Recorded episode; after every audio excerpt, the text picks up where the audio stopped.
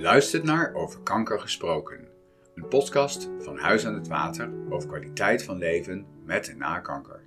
Mijn naam is Michel Danen. In deze aflevering een gesprek met Matti Hakvoort. Matti is psychiater en voorzitter van Stichting Huis aan het Water. In deze podcast spreekt hij over zijn ervaringen als co-assistent in het ziekenhuis aan het begin van zijn loopbaan, de Zorgboulevard in Zandam, de café-ramp in Volendam de samenwerking met zijn vrouw Karin Hogeveen, corona en het belang van goede nazorg voor mensen met kanker en hun naasten. Wat is jouw drijfveer ooit geweest, en misschien nog steeds, om Huis aan het Water neer te zetten, om dat te realiseren? Um, dat begint eigenlijk al heel vroeg uh, in mijn uh, tijd van geneeskundestudent zijn. Ehm, daar heb ik uh, toen in de tijd dat ik uh, opgeleid werd, verbleven mensen langerdurend in het ziekenhuis. Tegenwoordig blijven we maar heel kort in het ziekenhuis. Maar ik werkte op een afdeling als co-assistent waar mensen hun laatste fase van hun leven doorbrachten. Daar lagen dus mensen twee, drie maanden eigenlijk gewoon te wachten op de dood. En die uh, soort conditie, die heeft me enorm geraakt. Dus ik was eigenlijk ja, voortdurend bezig om iets te bedenken waar die patiënten die zo lang in zo'n, ja, van die bedden bij elkaar, twaalf bedden in een, in een zaal, en, en dan mannen en vrouwen gescheiden. En dan vaak ja, in een soort armoedig, was in het oude binnengasthuisterrein, was dat nog in Amsterdam. Het was zo triest dat ik maar één ding dacht: hoe krijg ik die mensen het ziekenhuis uit? Om, ik had in de tijd een, uh, een huisje op Marken. Hoe kan ik ze meekrijgen op de dijk, zodat ze die mooie luchten kunnen zien en dat ze de ontsnapping van die, die grijze, grauwe wereld in dat ziekenhuis even zouden kunnen hebben. Dat, dat, Had je toen al die gedachte? Dat, dat idee, dat, dat heeft me maanden bezig gehouden. Ik heb zelfs gedacht, ik ga dat op een manier doen. Maar ja, dat kon gewoon helemaal niet. Maar dus het idee dat een ziekenhuis, zoals ik dat toen beleefde, voor een behoorlijk deel van de patiënten de verkeerde plek was om ziek te zijn, dat was altijd wel een, gedachte. En dus een ziekenhuis als isolement en als een wereld openbreken en daar iets mee doen, dat heb ik heel lang als een soort gedachte en ook als een leidraad in mijn werk in het ziekenhuis gezien. Dus ik ben, uh, zoals ik je eerder heb verteld, uh, ben ik lang in de ziekenhuisorganisatie als voorzitter van de medische staf geweest. En toen heb ik ook een zorgboulevard bedacht. En die zorgboulevard die kwam eigenlijk voort uit het idee dat toen mijn zus, die ziek was in het uh, AMC en die daar heel kort uh, heeft uh, geleefd nadat de diagnose longkanker was gesteld.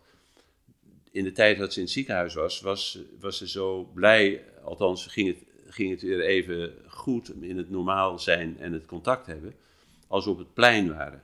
In de, dus in zo'n ziektetoestand er kunnen ontsnappen en in een wereld zijn, zoals in het AMC op dat plein, met eh, studenten en met de boekhandel en met eh, een beetje de gewone wereld weer. Dus dat je weer persoon kon worden in plaats van patiënt.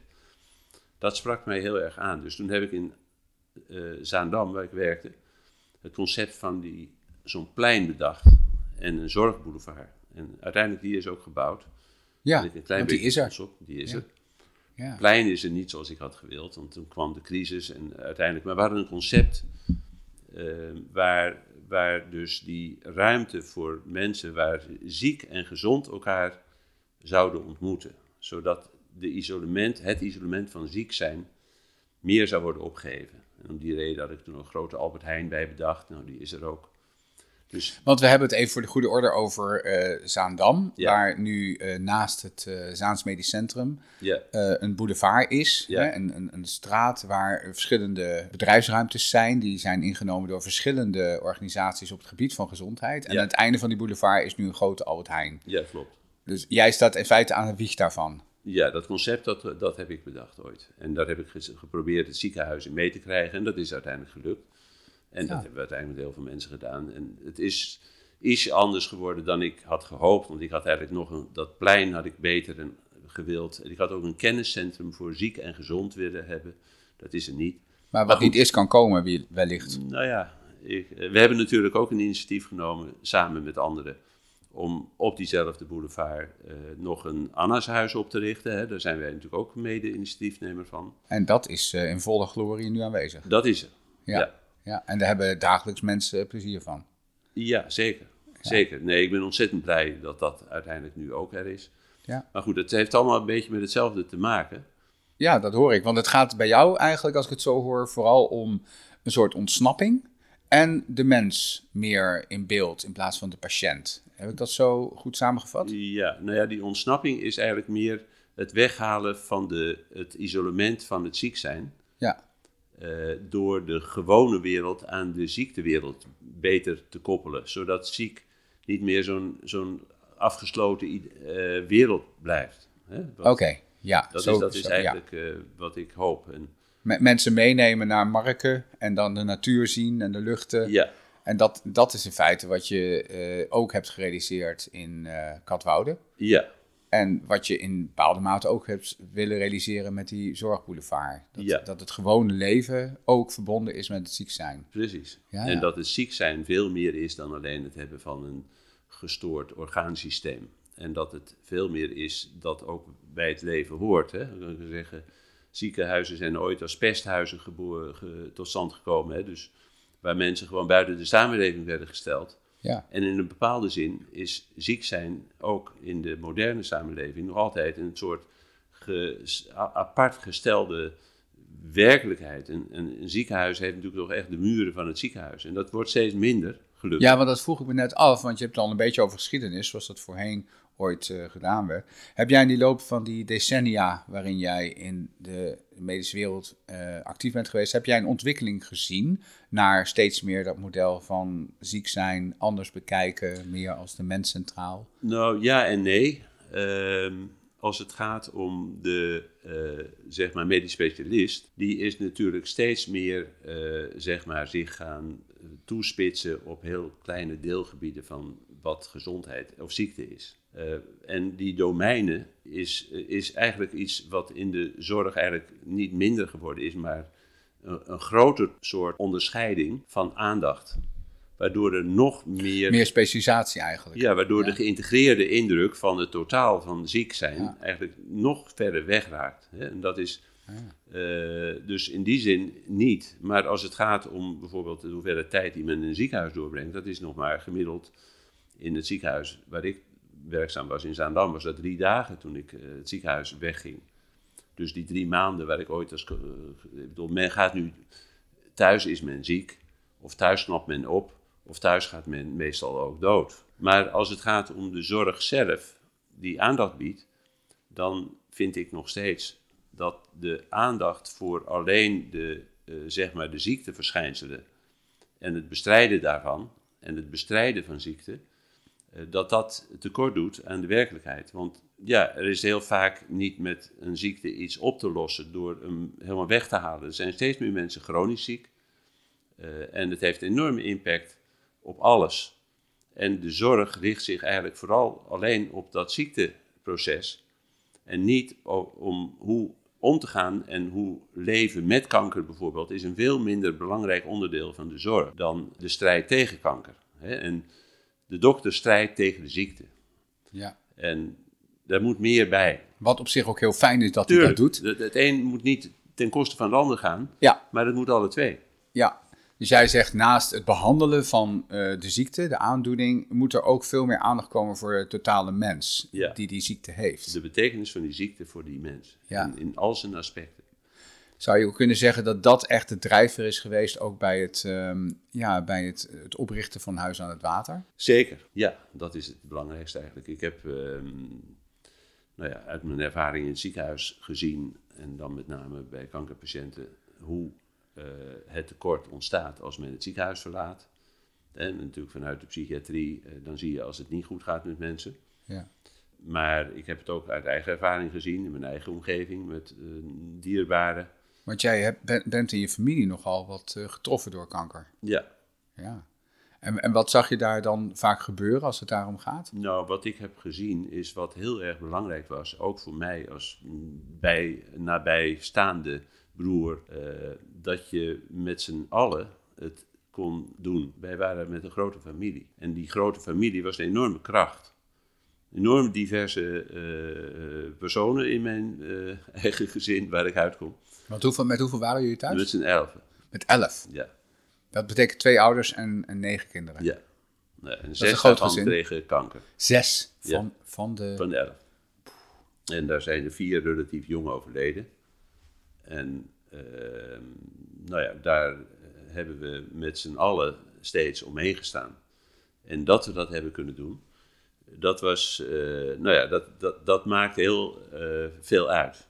Het is zo- zo- zo'n kracht dat je samen kan blijven in dat ziekteproces. Ook met degene die ziek is. En dat hij zich gesteund voelt en dat je eromheen samen bent. Eh, ja, dat, dat, dat is iets wat ik als een hele mooie kracht heb ervaren. En die wil ik eigenlijk ook. Hè. Kan zeggen, ja, ik zeg steeds, ik, ik heb een heleboel ook samen ontwikkeld met Karin. Ja. Hè, we, dat beeld van ziekte en omgaan en het, het, het leven van zieke mensen in een mooiere context brengen, dat deel ik eigenlijk al van meet af aan nog voor, nou ja, wel na mijn ervaring als co-assistent, maar daarna kwam Karin tegen. Wij dachten er precies hetzelfde over. Jullie vonden elkaar ook daarin. Ja, Ja, ja. en dat hebben we natuurlijk ook in Volendam. Eh, Want kun je daar iets over vertellen? Want niet iedereen weet dat, denk ik. Hm. Wat, wat hebben jullie gedaan in Volendam samen? in Volendam hebben we eh, na de ramp een steun. En we hebben het over de vuurwerkramp hè, Ja. in het eh, café. Ja, Ja. nou niet de vuurwerk, de, de eh, café-ramp. Ja, maar het was toen geloof ik met sterretjes ontstaan, toch? Dat Ja, dat wel. De, Ja, de, de, ja, plafond ja. was in, in, het, eh, Ja. in de brand gaan staan. Gaan Ja. staan. Heel veel kinderen zijn daar overleden ook en hebben ernstige brandwonden gekregen. zijn 14 kinderen, o- 15 kinderen overleden. Ja, en, en nog een hele grote groep met ernstige... 60 verminkte kinderen. Ja, ja. Ja. En wat hebben jullie gedaan toen? Nou ja, toen, toen die ramp ontstond, en, en wij komen hier natuurlijk vlakbij vandaan. En Volendam heb ik altijd wel iets mee gehad vanwege de scheepswerf van mijn vader en al die Volendammers. En ik vind dat het een hele bijzondere gemeenschap. Dacht ik, die Volendammers gaan nooit hulpverlening vragen om, om, om zich psychisch te laten steunen. Die Maar, gaan waar- waarom dacht je dat? Nou, omdat zij eh, een wereld zijn waarin het eerder, als je hulp vraagt, een zwaktebod is. Dan dat je laat zien dat je autonoom bent en dat je in staat bent om je eigen boontjes te doppen. En psychisch, ja, het communiceren over kwetsbaarheden en emoties, dat is niet de sterkste kant van die gemeenschap. Oké. En dus toen dacht ik, hoe kan je nou hulpverlening introduceren, zodat het niet dat imago heeft van zielig, en, maar dat het ook een bepaalde kracht heeft. Dus toen zijn we, naar aanleiding van een Zweedse hulpverlener die we tegenkwamen, zijn we een model gaan ontwikkelen, wat eigenlijk ook het model van het Huis en het Water is. Dat is een sociaal steunsysteem die bepaald wordt door degene die het treft, dus de, de, de, de slachtoffers zelf bij elkaar brengen, dus lotgenootschap. En de, de mantel daaromheen van alle mensen die erbij betrokken zijn, die te koppelen aan een schil met professionele hulp. Ja, dat is in feite ook het eh, model van Huis aan het Water. Precies, inderdaad. dat is het Huis- en het Watermodel. Eigenlijk hebben we dat herhaald Ja, later. Want, want, dit, want bleek het ook succesvol? Want jullie het zijn is enorm gestart. succesvol. Ja, ja. dat is wel heel bijzonder mooi goed gelukt. Als je nu kijkt naar de, de, eh, zeg maar de manier waarop de slachtoffers van toen in de samenleving zijn geïntegreerd en hoe ze zich gesteund hebben ervaren. Ik denk niet dat er veel voorbeelden zijn in Nederland met een ramp waar, waar dat zo goed gegaan is. Want als dat... Niet hè, zozeer alleen door het supportproject hoor, maar Nee, oké, maar het heeft dus wel een heel duidelijke bijdrage eraan geleverd. Want je zegt, die mensen zouden uit zichzelf eigenlijk, want zo is hun aard nou eenmaal niet, heel makkelijk hulp hebben gezocht. nee. En hoe hebben jullie het dan wel eh, voor elkaar gekregen? Hoe hebben jullie die drempel laag gemaakt om dat dan wel... Nou, eh, we, te- hebben te dus, te we hebben zetten. dus doen voorkomen, en of dat was ook zo, dat je eh, veel beter kon richten op de kracht van de sociale steun. En dus ook krachtstermen gebruiken. Dus niet, net zoals in de voetballerij, we hadden coaches, geen hulpverleners. We hadden supportprojecten, supporters, net zoals in de voetbalclub. Eh, dus het gaat erom dat je de positieve kracht van een gemeenschap inzet eh, als een positieve inzet. En, en dus mensen voorziet van kennis om dat goed te kunnen. Dus we hebben allerlei scholingen aan die vrijwilligers. Die, we hadden 250 vrijwilligers eh, georganiseerd. En die hebben we geschoold. eh, op allerlei terreinen. Maar bijvoorbeeld brandwondenstichting over verminkingen en hoe je identiteitsveranderingen daardoor krijgt. Of depressies of problemen met jongeren, identiteitsproblemen. Dus we hebben hen, een heel, al die vrijwilligers, die hebben we geschoold. En dat was een soort signaleringssysteem in de samenleving. En die kwamen dan twee weken dus bij elkaar met een coach. En dan bespraken ze wat ze het beste konden doen. En dat was hand- en spandiensten verrichten, bijvoorbeeld naar het ziekenhuis rijden of uh, allerlei dingen organiseren die uh, aandacht uh, hielpen scheppen voor de problemen, zodat in de gemeenschap iedereen zich wilde inzetten. En lotgenootgroepen bij elkaar gebracht, opa's en oma's. en de slachtoffers zelf, die waren vaak nogal verbonden aan de ziekenhuis. Dus wij, onze kracht bestond vooral uit het, het systeem eromheen equiperen. Ja, en, en equiperen in de zin van bij elkaar brengen, maar ook in de zin van opleiden. Ja, scholing over kennis. Ja. Gewoon, wat gebeurt er als je, als je 16 bent en je identiteit, ontwikkeling wordt benadeeld omdat je helemaal verminkt bent? Ja. Wat kan je dan verwachten als je vader en moeder bent van een kind? Of wat voor soort psycho-educatie is. Dat is eigenlijk psycho-educatie. Ja. Ja. Dat hebben jullie heel erg ingezet en je hebben het sociale netwerk ingezet. En die hebben vooral, hoor ik ook, uh, gekozen om bepaalde termen eraan te verbinden. Termen die andere beelden oproepen dan, nou ja, misschien meer medische termen of uh, hoe zou je het anders willen kwalificeren. Wij wilden niet het begrip patiënt en ziekte ja, precies. Opvoeren. Wij en... wilden eigenlijk zeggen, net zoals bij kanker, ja. het gaat om gewone mensen in een extreme situatie. En die moet je niet behandelen als patiënt. En dat is eigenlijk wel een belangrijke kern van het werk. Hè? En dat is, komt steeds terug, lijkt het. Dat heb je zo gedaan uh, voorheen al uh, in je werk. Dat heb je ook gedaan bij uh, de, de, de ramp in Volendam. Dat je zei, die mensen zijn in een extreme situatie terechtgekomen. Zo'n zo, zo, zo ramp in zo'n café is natuurlijk extreem. En ook bij kanker is dat zo. Ja, en, en wij waren een vrijwilligersorganisatie. Ik bedoel, ik, ik was al psychiater, maar ik was vrijwilliger. Je was vrijwilliger, je hebt het als vrijwilliger gedaan. Ja, en, en al die andere mensen die eraan uh, verbonden waren, Ook waren allemaal. die ook allemaal? Want je noemt 250 vrijwilligers. Ja. Dat is een gigantische organisatie. Ja, we hadden in no time, ik ontmoette een, uh, een club, een buurthuisdirecteur. En die, toen we dat idee uh, konden uiten, hoe we dat zouden kunnen doen. Omdat een Zweedse hulpverlener ons daar een beeld van had gegeven hoe dat volgens hem in Göteborg goed had gewerkt. Want was daar al eerder iets voorgevallen waar ervaringen waren Daar opgedaan? was een ramp met 60 kinderen dood. En daar had de coördinator van de hulpverlening daar, die was naar Volendam gekomen. En die, die kwamen wij toevallig tegen. Oké. Nou, niet helemaal toevallig, maar... Daar hebben jullie veel van geleerd. En die gaf een beeld hoe hij het zou hebben gedaan. Nog beter dan hij het had gedaan. Als hij er achteraf naar keek, hoe hij dat zou doen. En hij zei, je moet vooral de maatschappelijk betrokken uh, mensen in de gemeenschap... die moet je mobiliseren en eromheen uh, een sociaal steunsysteem maken. Dat is een hele waardevolle tip geweest. Enorm waardevol. Ja, ja, dat hebben jullie toegepast. Ja. En dat heeft toen een, een tijd gelopen daar? Dat een jaar of acht. Ja. En er is ook een boekje over uit. VWS heeft een boekje uitgebracht. Impact. Dat is zo'n uit, zo'n uitgever voor, uh, voor nou ja, overheidsdingen. De kracht van de gemeenschap. Dat kunnen mensen nog nalezen als dat uh, Dat is de opzet van onze organisatie geweest. En ja. Karin heeft dat uh, acht jaar gecoördineerd. En dat is geïntegreerd in het totaal van de hulpverlening. Toen is het, dat heette het anker. En toen op een gegeven moment kwamen er ook wel salarissen. Ik heb toen, daar ben ik gaandeweg, nadat het stond, eruit gegaan. En Karin heeft het uh, eigenlijk voornamelijk gecoördineerd. Samen natuurlijk met een heleboel andere mensen. Maar en het heeft ontzettend goed gewerkt. Het was heel erg goed gelukt, ja. Ja. Durf, ben ik wel, durf ik eenduidig te zeggen. Ja, ja, nee, maar uiteraard is dat ook uh, heel terecht dat je dat zo zegt. Want mm. dat zijn bewijzen dat het dus werkt, dit ja. concept. En dat concept zijn jullie in feite bij Huis en het Water opnieuw op gaan zetten. Ja. ja. Wat was daar de, de drijfveer achter om dan in uh, Katwoude een, een pand te verwerven en dan zoiets op te zetten? Nou, misschien de, de aanleiding was stomweg dat wij een huis zagen wat op een enorm mooie locatie lag. Is dat het begin geweest? Dat, dat was de gedachte. En ik zeil vaak langs dat huis. En uh, ja, uh, en dat was, dat was een probleem over, over de bestemming van dat pand. Je zag het regelmatig staan. En Karin en ik, we hebben, zoals ik al zei, dat hebben we altijd gedacht. Dat je iets moois, een, een, iets, iets moois als tegenwicht aan ziekte moet scheppen. In feite dat beeld omgeving. van Mark uh, wat je al had hè, als ja. student. Dat, nou, zover is het niet, hè, Mark en Katwoude. Het is hetzelfde uitzicht. Ja, en het is ook nog aan een dijk. Ja. Want dat had je toen ook. Ja, dat klopt. Dus je bent in feite vanuit een soort visie uh, een aantal jaar later ook daadwerkelijk iets gaan creëren. Ja. Hoe tevreden ben je wat je tot nu toe met elkaar hebt neergezet met z'n allen?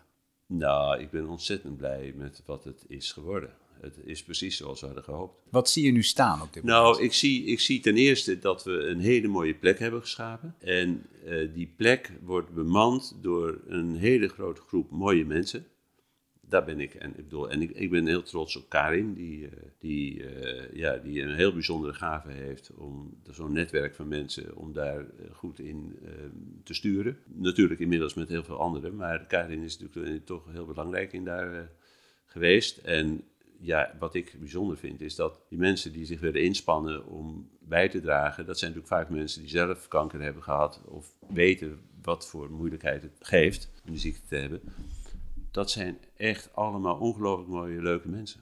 Ik bedoel, het klinkt een beetje uh, pathetisch, maar ik uh, vind het echt. Ja, en, en die zetten zich dus in voor ondersteuning aan mensen met kanker. Het kan ook zijn de naaste of nabestaanden. Wat er een inspanning is, is van mensen, dat is indrukwekkend wel. Ja. Ze, ze, zijn zo gecommitteerd om het goed te doen. Ja. ja, en als je kijkt wat we ook met jongeren en met kinderen kunnen, uh, wat er gedaan wordt en de mensen die dat doen, uh, en we hebben goede vakmensen als het gaat om de professionele mensen. Daar ben ik ook trots op. Ja. Uh, en als ik kijk, we hebben dan toch nu in de loop van jaren uit het niets hebben we toch iets waar heel veel mensen komen en uh, waar we gedragen worden doordat iedereen gelooft dat het een goed is, iets is dat we bestaan. Ja, zeker. Wat, wat vind je het belangrijkste werk wat je voor je ziet, hè, voor uh, alle mensen die zich daarvoor willen inzetten? Wat zou jij toejuichen welke kant het nu steeds meer op zou moeten gaan? Ik zou hopen dat de ziekenhuizen en de aandacht van de medisch specialist eigenlijk al zich ook verantwoordelijk voelt voor goede nazorg. Nou kun je zeggen, dat doen ze wel. Natuurlijk, op het medisch-technische doen ze dat in het algemeen zeker wel. Maar dat, gaat gewoon hartstikke goed gewoonlijk. Maar wat niet goed gaat, uh, dat is dus de aandacht voor de betekenis en de impact van de ziekte op lange termijn. En daar hoop ik van dat dat veel beter een besef wordt. En er ook een betere basis voor komt ik bedoel, wij doen het omdat we, we hebben de mogelijkheid. Ik heb een goed inkomen, dus ik hoef niet zoveel geld erbij. En Karin, en, of mensen die allemaal vrijwilliger zijn. Maar een deel van die organisatie, vind ik, moet je gewoon professioneel ondersteunen. En daar is gewoon wat geld voor nodig. Helemaal niet veel. Maar is het nou botweg een, een geldkwestie waar we het over hebben? Dit, dit is, dit is voor mij een beperkt probleem. Ja. Uh, natuurlijk, als ik zou willen zeggen, ik hoop dat heel Nederland verspreid een goed netwerk is van nazorg waaronder zo'n concept als Huis en Water uh, onderdeel is, elders ook, ja, dan, dan vraagt dat gewoon wel een soort infrastructuur met financiering. Dus daarom kom ik erop. Ja. Goed, het is niet waar ik. Uh... Niet, niet zelf persoonlijk, maar als het gaat om uh, ontwikkeling van nazorg voor mensen die getroffen zijn door kanker, dan zeg je ja, het is ook echt een financiële kwestie. Het is ook een financiële kwestie. Ja. Maar die financiële kwestie toont ook het belang wat men in de formele zorg in zo'n. Dat is natuurlijk zo. Wat men echt belangrijk vindt op beleidsniveau, daar komt ook geld voor. En dat heb je dus nog niet zo sterk zien uh, gebeuren. Nee. Nou ja, kijk, net voordat wij ons uh, even het belang hebben, want ik weet niet hoe geïnteresseerd mensen zijn in de organisatiekanten van het verhaal, maar het gaat gewoon om mensen. En ik heb net het voorbeeld wat je, dat is best triest, maar dat is vind ik wel een goed voorbeeld. En ik haal het toch dan maar even aan als ik nu zo net gebeld word door iemand uh, waar sprake is thuis van een van de, een, stel uh, met een hersentumor.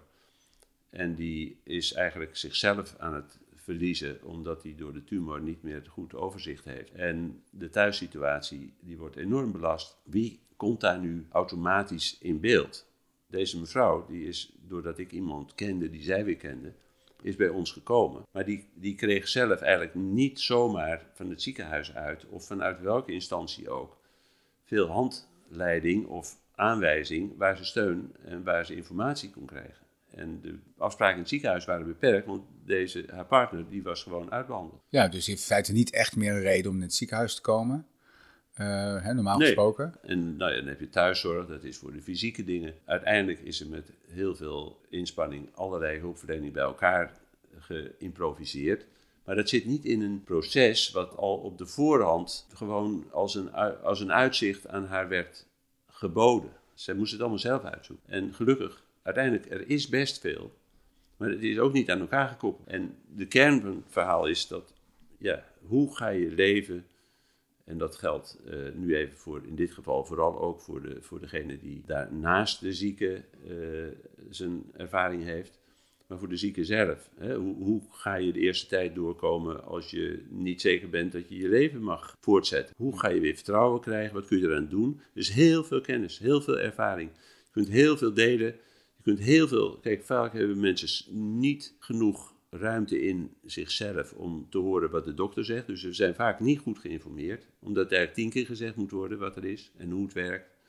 Want, want wat, wat bedoel je daar precies mee? Mensen horen het wel van de arts, maar het blijft niet hangen, is dat wat je zegt? Ja, omdat, omdat het te bedreigend is op het moment dat het gezegd wordt. Dan, dan is het zo, zit er zo'n lading in mensen dat de nuance van wat precies gezegd wordt, ja, dat wordt vaak gemist. En of ja, artsen gaan soms een beetje kort door de bocht, omdat er nu eenmaal enorme spreekuren zijn met 10 minuten vaak.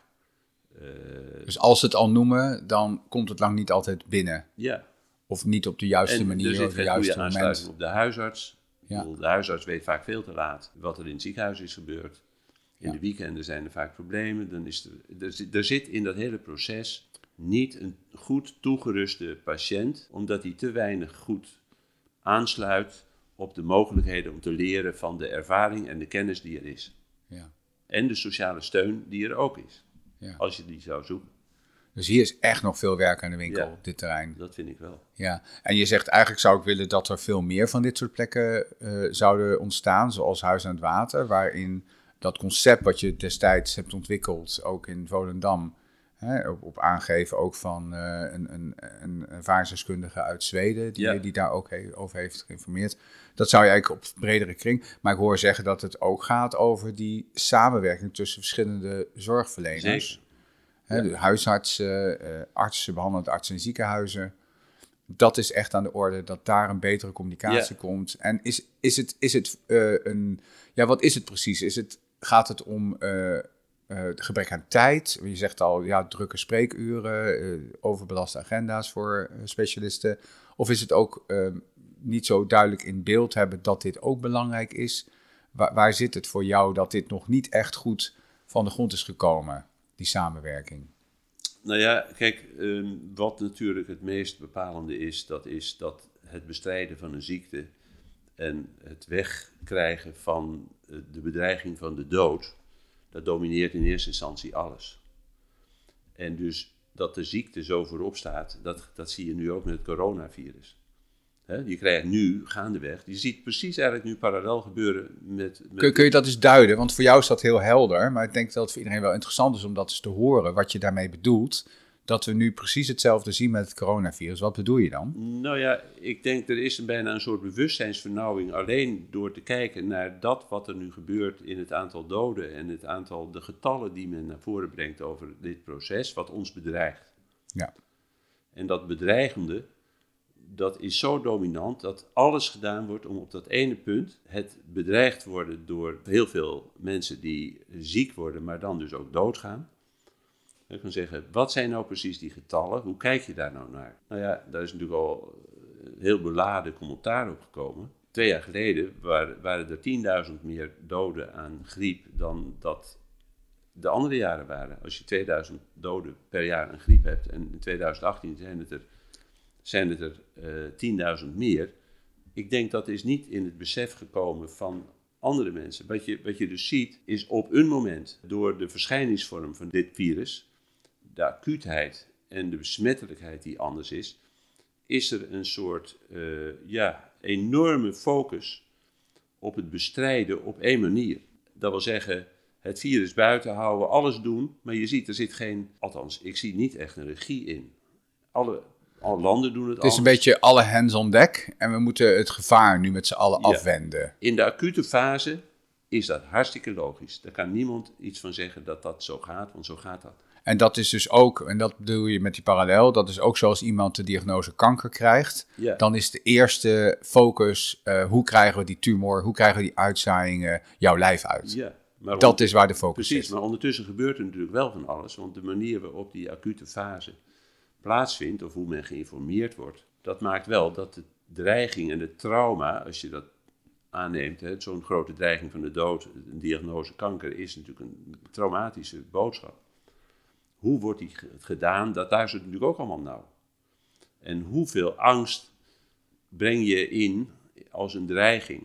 Dan gaat het om corona. Hoeveel mensen gaan eraan dood en waar leg je de nadruk op eh, in de beleving van wat er nu gebeurt in de acute fase? Dat is ook een belangrijk aspect. En als je nu kijkt bij kanker, dus in eerste instantie iedereen, ook de patiënt en zijn familie, maar één ding: wat gaan we weten over wat werkelijk dreigt en welk gevecht voeren we nu met de ziekte? dat is in feite alles bepalend. En, maar dat zie je nu ook met de corona. Nu is even de acute fase begint geleidelijk aan iets minder acuut te worden. En nu komen opeens de vragen van wat betekent dit nu eigenlijk voor alles? Het betekent enorm veel. Het betekent de economie ligt op zijn gat. Nou, de economie van een persoon ligt ook op zijn gat als die ziek wordt. Uh, alles wat nu de coronavirus in het grotere collectief toont, dat zit ook in een ziekteproces van een patiënt met kanker. Alles is anders. En men zegt, gezien de impact maandenlang en misschien wel een jaar, uh, maar ook het anders denken over de kwetsbaarheid van de mens, dat gaat in onze cultuur nu opeens ook een uitgangspunt worden. Hè? Meer dan eerder. De onbevangenheid van dat je zomaar kan reizen en dat je. Een kankerpatiënt is niet meer onbevangen over zijn lijf. En dat hij zomaar kan vertrouwen dat het wel goed zit. Uh, nou, dat, dat zijn allemaal parallellen. Maar je ziet dus nu dat de discussie verplaatst zich nu ook naar de impact van de coronavirus op de samenleving. En dat is in feite, zeg je, een parallel met wat er met iemand gebeurt op het moment als hij dat uh, hele lastige nieuws krijgt. Je hebt een tumor, ja. je hebt een kanker in je lijf. En wat voor een gevolg heeft dat nou voor jou in jouw leven? En dat je daar op een gegeven moment na die eerste schok uiteindelijk op uit gaat komen, dat dat echt ook een onderdeel is van de hele verwerking en het ermee omgaan. Ja, en het enige verschil is, dat doe je dan wel alleen. Ja, dat doe je alleen. En nu doe je het collectief. Ja. En dat scheelt een heel groot stuk, want dat zie je nu ook. Mensen voelen toch, er is ook een soort gemeenschapszin toegenomen. Nou, dat is eigenlijk precies ja. wat wij in het Huis en het Water willen. Ja, en wat je ook destijds in Volendam hebt gedaan, 250 ja. uh, vrijwilligers uh, op de been en allerlei netwerken aangezet. En je hebt gezien, want dat had ook die man uit Zweden tegen jullie verteld, dat het aanzetten van dat sociale netwerk, het zorgen dat het niet alleen hoeft te gebeuren, dat is heel cruciaal. Ja. Bij hem was het, hij zei als ik het over zou doen. Hij had, hij had ideeën ontwikkeld, want hij, het was hem nog niet zo goed gelukt, zei hij zelf. Dus wij hebben eigenlijk zijn ideeën, omdat het, hij heel veel had waargenomen. En zijn hypothese is, is bewaarheid gebleken toen jullie het gingen toepassen. Ja, ja. En, en toen, wij, toen ik me helemaal een beetje begon te verdiepen in die wereld van de literatuur, van wat moet je bij rampen doen.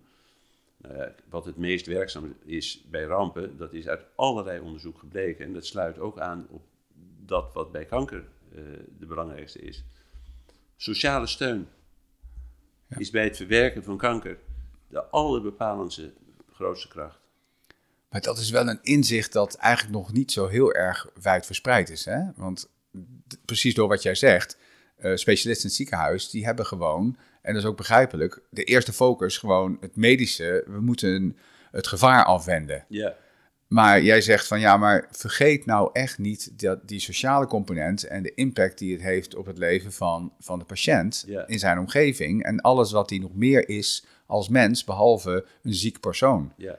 de, ja. Dus daar is echt nog een heel, uh, een heel stuk uh, te verbeteren. Nou ja, kijk, dat is natuurlijk de schuif die er nu lijkt gemaakt te worden. Of dat werkelijk gestalte krijgt en hoeveel tijd dat vraagt, dat weet ik niet. Maar je hebt natuurlijk de ontwikkeling van, uh, waar jij ook uh, meer aandacht aan hebt besteed. Dat is positieve psychologie, gezondheid ja. en positieve psychologie, alle twee. Ja. Positieve gezondheid is het besef bij beleidsmakers dat gezondheid moet gaan bestaan uit de maximale aanpassing van mensen aan hun situatie. En de definitie van ziek niet meer is uh, dat je alleen maar een, een pathologische uh, proces hebt, maar veel meer dat mensen als ze ouder worden sowieso veel processen hebben die hun lichaam ondermijnt, omdat ze langdurig chronisch ziek kunnen zijn, maar toch gezond daarmee. Ja. Uh, en dus de verandering dat er een grote groep mensen is die heel lang met iets wat een ziekte heet, uh, niet de ziekte kunnen bestrijden, maar ermee moeten leven. En, en die groep is, is enorm toenemen, gezien de toename van gewoon mensen die redelijk uh, ja, in staat om het leven te doen, maar toch heel oud, maar ook met, met ziektes moeten leven. Chronisch ziek zijn en Chronisch daarmee moeten leren omgaan met ja. dat nieuwe perspectief. Ja. Nu, eh, nu hoort daar een term bij die ik jou vaker hoor eh, gebruiken en dat is hoop. Ja, dus Ja. dat je dat... eh, En, en hoe past dat hierin? Nou, dat is dus het andere punt. En daarom zei ik net, hoe ga je om met de werkelijkheid, ook in de acute fase? Ik vind, en dat heeft mij op een moment wel verbaasd, hoop als opdracht binnen de hulpverlening is, vind ik, eigenlijk een onderdeel van wat hulp, goed hulpverlenerschap is. Hoop, het zoeken naar hoop. Als iemand ziek wordt, dan is het van belang om mee te denken vanuit het perspectief van degene die ziek is. En daarin is altijd het nodig om ergens hoop te zien. In de meest negatieve zin kan je zeggen, kan hoop zijn dat je waardig kan sterven. Dat is ook hoop. Dat je jezelf kan blijven. Dat is in een bepaalde zin geloven dat je intact kan blijven als wie persoon of, en, en dat je goed afscheid kan nemen. Ook dat is hoop. Dat is niet de mooiste vorm van hoop, maar dat is ook hoop.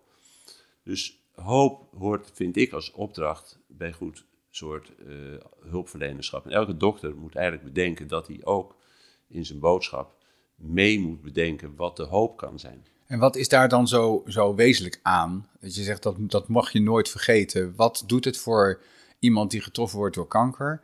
Wat doet het om wel of niet hoop te hebben? Nou, ik kan een voorbeeld geven. Ik eh, ontmoette een tijdje terug een, een, arts die zelf ziek werd. En die achter in de 40 met eh, kind en midden in het leven, eh, op een moment met een bobbel in de borst, naar de, het ziekenhuis ging. En vervolgens binnen een week duidelijk werd dat ze uitgezaaide borstkanker had en dat ze uit was behandeld. De tweede week kreeg ze een afspraak op de polykliniek. En toen kreeg ze de afspraak, nou u kunt over drie maanden weer terugkomen, we kunnen niets voor u doen. En u krijgt van ons een receptje voor de hormoonkuur, want die moet u wel doen. Vervolgens is er dus niks. Dat is nou wat er gebeurt als je niet rekening houdt met wat hoop kan zijn. Want deze mevrouw, die had eigenlijk alleen maar een soort toekomst waar alle houvast verdwenen was. Eh, wat er eh, ontbrak was gewoon het perspectief wat er overblijft, ook als je in zo'n nare conditie uitkomt.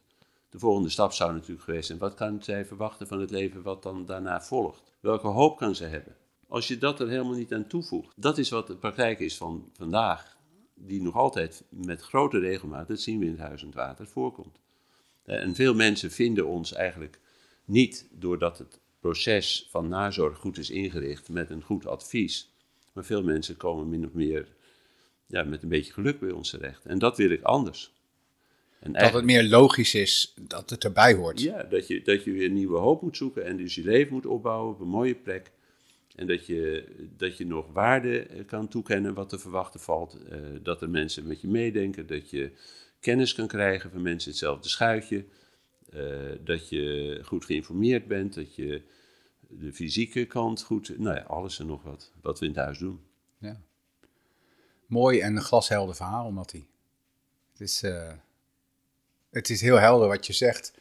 Ehm, ik ben tot slot nog wel op zoek naar wat je op dit moment voor je ziet, waar het de komende tijd ehm, naartoe moet gaan. Nu we zo zijn stilgelegd in onze ja, eh, live contacten en dat we veel meer naar online moeten. Hoe zie je dat voor Huis aan het Water? Hoe zie je dat voor andere inloophuizen? Wat kan nog wel? Nou, ik ben verbaasd over wat er nog wel kan. Als ik kijk naar nu. Hè, van op dit moment eh, is er een online eh, sportprogramma. Er is de creatieve eh, inloopochtend. Er wordt de yoga, de zang. Mijn contact met een agenda zit redelijk vol. En dat is voor veel van je collega's ook, geloof ik, hè? ja, Ja. dus het valt mij heel erg mee dat de, wat ik altijd armoede vond, dat toch het mogelijk is om met beeldbellen wezenlijk contact te hebben met mensen. Want je vond voorheen dat het beeldbellen armoede was. Ja, En wanneer ben je tot een ander inzicht gekomen? nou sinds dat we gedwongen zijn om dat te gaan doen. Dat Eh, lijkt me dan wel een verdienste, hè? want het is voor mensen daardoor misschien wel makkelijker om in aanraking te komen met ondersteuning als van Huis aan het Water en anderen. Ja, het enige is wel, ehm, er zijn wat oudere mensen die, zeker als je iemand nog nooit gezien hebt, hè, als je iemand gezien hebt is het veel makkelijker. Ja. Dus er zijn wel wat, wat hindernissen. Maar je kunt natuurlijk ook zeggen, als mensen thuis ziek zijn, dan zal het voor mij een veel lagere drempel zijn om te zeggen, nou, we gaan niet iemand vinden die je gaat thuis bezoeken, maar je kan ook wel beeldbedden. Ja. Om maar één ding te noemen. Nou, zo kunnen we nu ook wel wat voordeel halen om op dit punt onze mogelijkheden juist uit te breiden, zo direct als het weer normaal is. Ja. Dus ja, ik vermoed dat, dat dit, deze narigheid nog misschien een maand of drie, vijf duurt. En dan komen we wel weer in de oude wereld, gelukkig hoop ik. Ga ik vanuit. Ja, ja. Tot slot, uh, Matti, uh, wat zou je op dit moment nog willen zeggen tegen mensen Misschien die... deze podcast is een ander voorbeeld. Want van een online... Uh... Nou ja, dat er iets nieuws geboren wordt. Ja. Wat eigenlijk ook in de, onze neiging tot communicatie, hoe kunnen we nou meer en anders? Hè? En dit is een initiatief uh, van jou en dat is een ontzettend mooi idee. Zo kom je toch ook weer vooruit, ondanks de negatieve inbreuk eerst. Ja, want ik zie dit veel gebeuren, dat mensen andere oplossingen vinden uh, om uh, het probleem te tackelen. En om eigenlijk op een nieuwe manier om te gaan met uh, dingen die ze voorheen ook al deden. Want wij waren natuurlijk voorheen met z'n allen bezig om het netwerk te versterken in de regio. Ja. dat deden we met conferenties, dat deden we met werkgroepen, dat deden we met allerlei andere activiteiten. En nu is dat voor een deel natuurlijk vrijwel onmogelijk gemaakt. Nou ja, wat moet je doen? Je gaat een alternatief zoeken.